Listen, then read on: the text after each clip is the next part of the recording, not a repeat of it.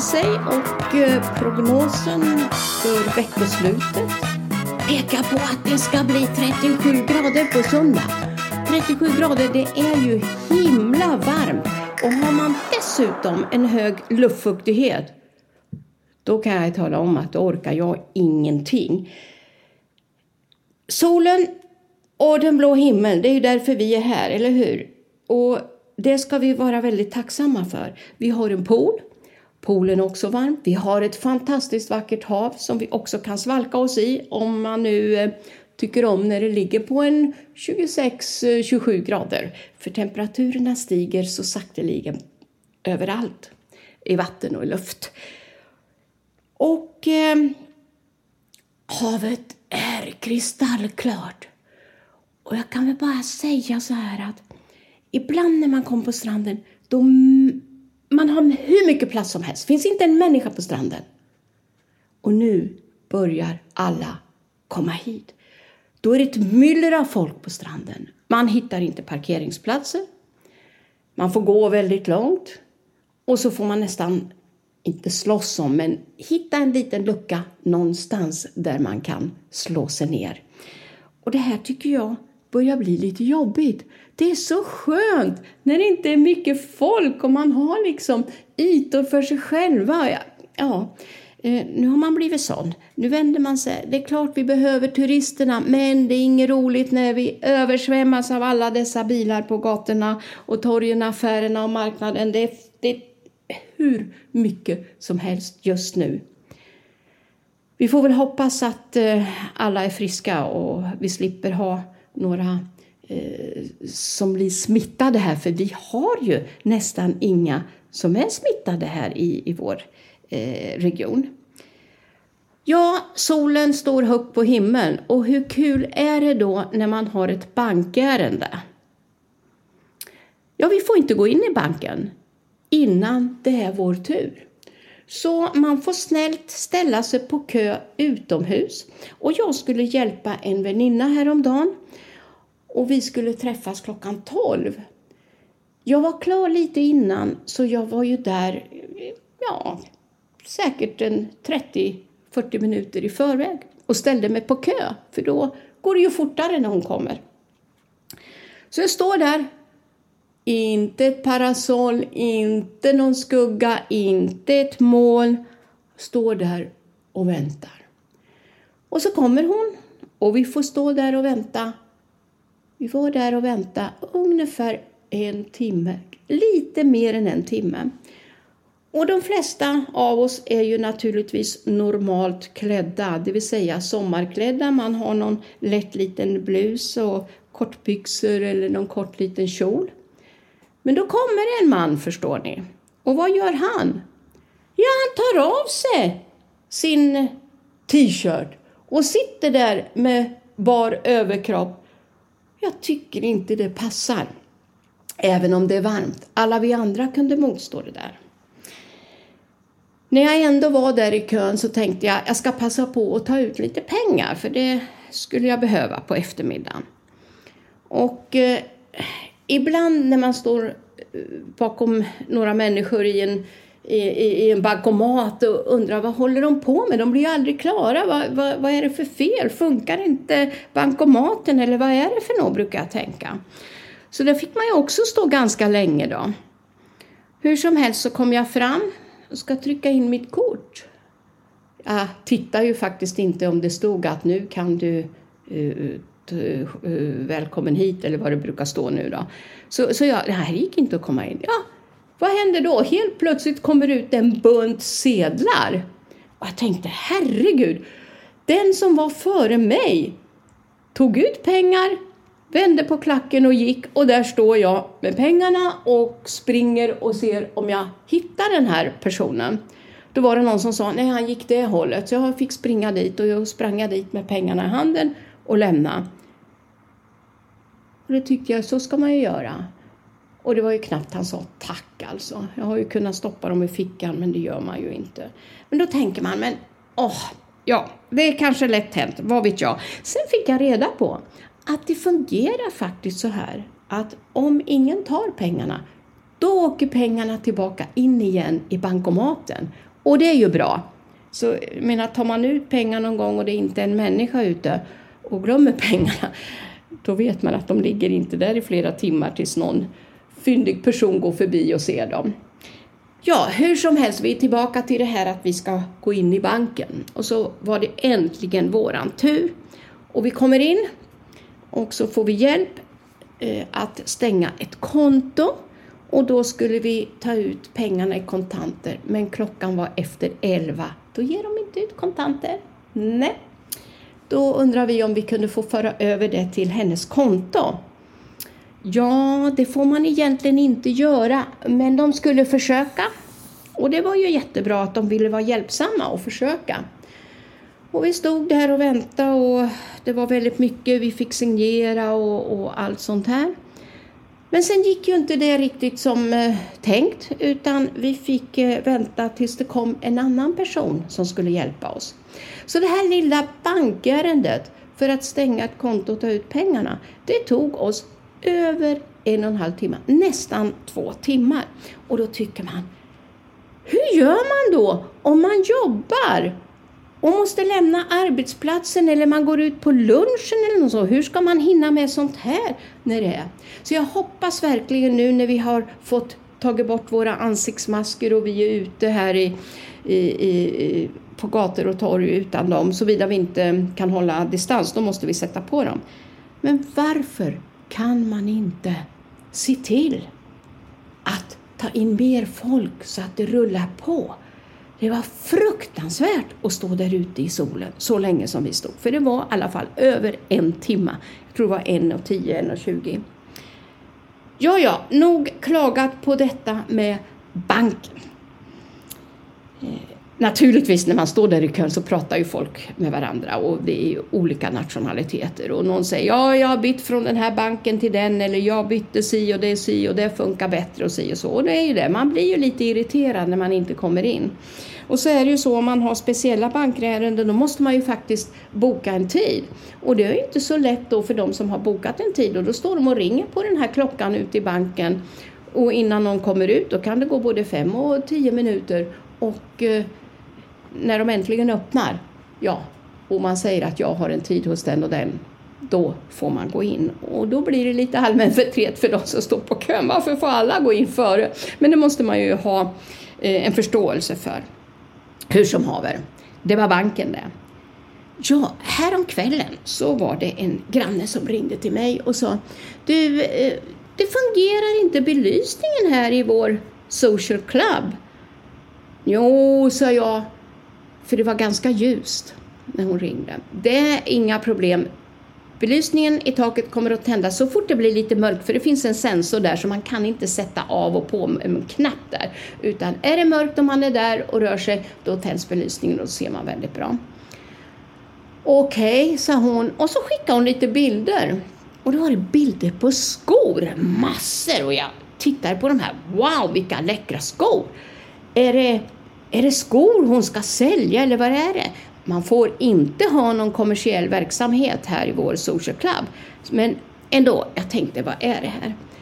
Och då sa jag, ah, jag kommer. Och så gick jag dit. Kunde jag ju lätt konstatera att den där sensorn fungerar ju inte.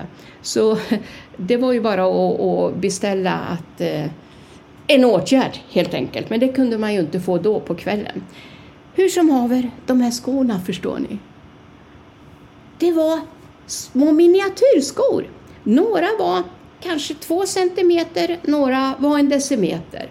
Det var damskor i alla möjliga modeller och färger och höjd på klackar och sandaler och ja, olika märken. Och eh, då frågar jag dem så här, men säljer du de här? Nej, det är min kollektion. Så hon ville visa det här för sina väninnor. Och hon hade, jag tror hon hade tusen sådana här skor, men alla hade hon inte med sig. Och så hade hon ställt upp det på bordet så, så fick vi gå och titta. Det här var ett gäng ryska kvinnor och jag kan ju inte ryska så det var ju bara jag som var med där och utlänning. Och hur som haver Då bjöds jag på kava.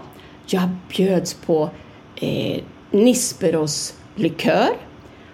Och det var lite tapas, någon minihamburgare och massor med godsaker och glass och ja, det var massor. Och jag tänkte, men vi hade så himla trevligt. Vi satt väl där och jag tänkte, jag hade sagt att jag kommer hem efter bara en liten stund, sa jag. Jag tror jag var där två och en halv, tre timmar. Jag kom hem vid halv tolv alltså. Men det var så trevligt. Vi satt och pratade och vi skrattade och gemensamma språket var ju faktiskt spanskan. För det var ingen av de här som pratade engelska och jag pratar inte ryska och de naturligtvis inte svenska. Men det var riktigt trevligt. Och det kan jag bara säga alla vi tjejer, tanter, vi är lika. Vi har ungefär samma eh, samtalsämnen. Vi är lika lättsamma och glada och hjälpsamma och, och sånt här. Och det kändes ju fantastiskt kul. Dels att de bjöd dit mig, att jag fick vara med dem och att jag lärde känna de här kvinnorna lite mer än vad jag har gjort innan. Så vi pratade om allt möjligt och jag kom hem med ett leende på läpparna och kände wow, vilken häftig kväll! Det visste inte jag att det skulle bli så här. Ja, hörni. Och det vi gjorde också, då pratade vi om, samlar du på någonting? Och några, de samlade på elefanter. Och det är ju väldigt trevligt, för jag har ju också en hel del elefanter och elefanten sänder ju ett, Eh, en, en, signal till, åtminstone om man är asiat, att om du ser en elefant, det första du gör när du vaknar, så ska det bringa dig tur och lycka. Så det är ju bra att man har elefanter i närheten av eh, där man sover eller går upp. Så det var fler som hade elefanter och sen Buddha. Så, så jättespännande och kul. Hur som helst, kära vänner. Jag tror jag har pratat om det här med flugor, att flugorna ser ut som små trekanter och de är lätta att ha ihjäl medan myggen är desto svårare att både fånga och ha ihjäl. Nu har jag ju sett sådana här vanliga flugor som vi har som har 360 graders syn. Va? Och eh, de är omöjliga att fånga. Jag har sett några stycken sådana nu och det har jag inte varit med om. Eller också har jag glömt att jag har varit med om det här. Men de finns här.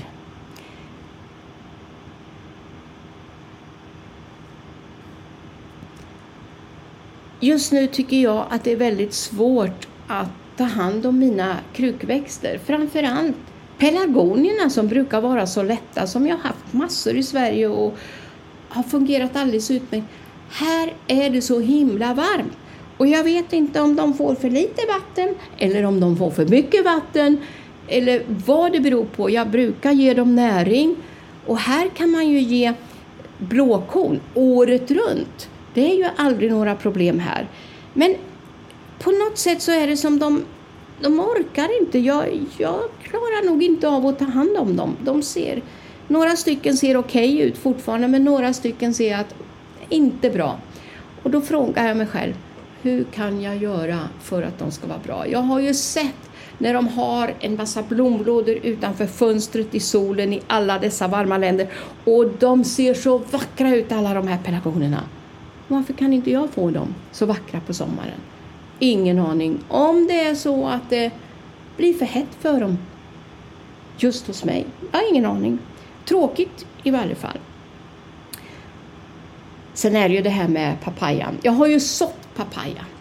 Och de första som jag sådde som jag trodde inte det blir någonting av, de har ju vuxit upp och blivit, ja inte så där jättestora, men de är väl en 7-8 centimeter höga nu så de är dags att plantera om. Men sen köpte jag ju frön från en sån här ört, eh, örtförsäljare, eller örtförsäljare, fröförsäljare här i Alicante.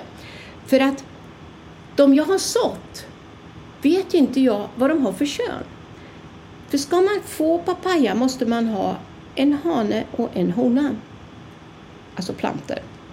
Eller hemafroditer. Och nu är det så att de här som jag har köpt, fröna från Alicante, de är ju sådana där.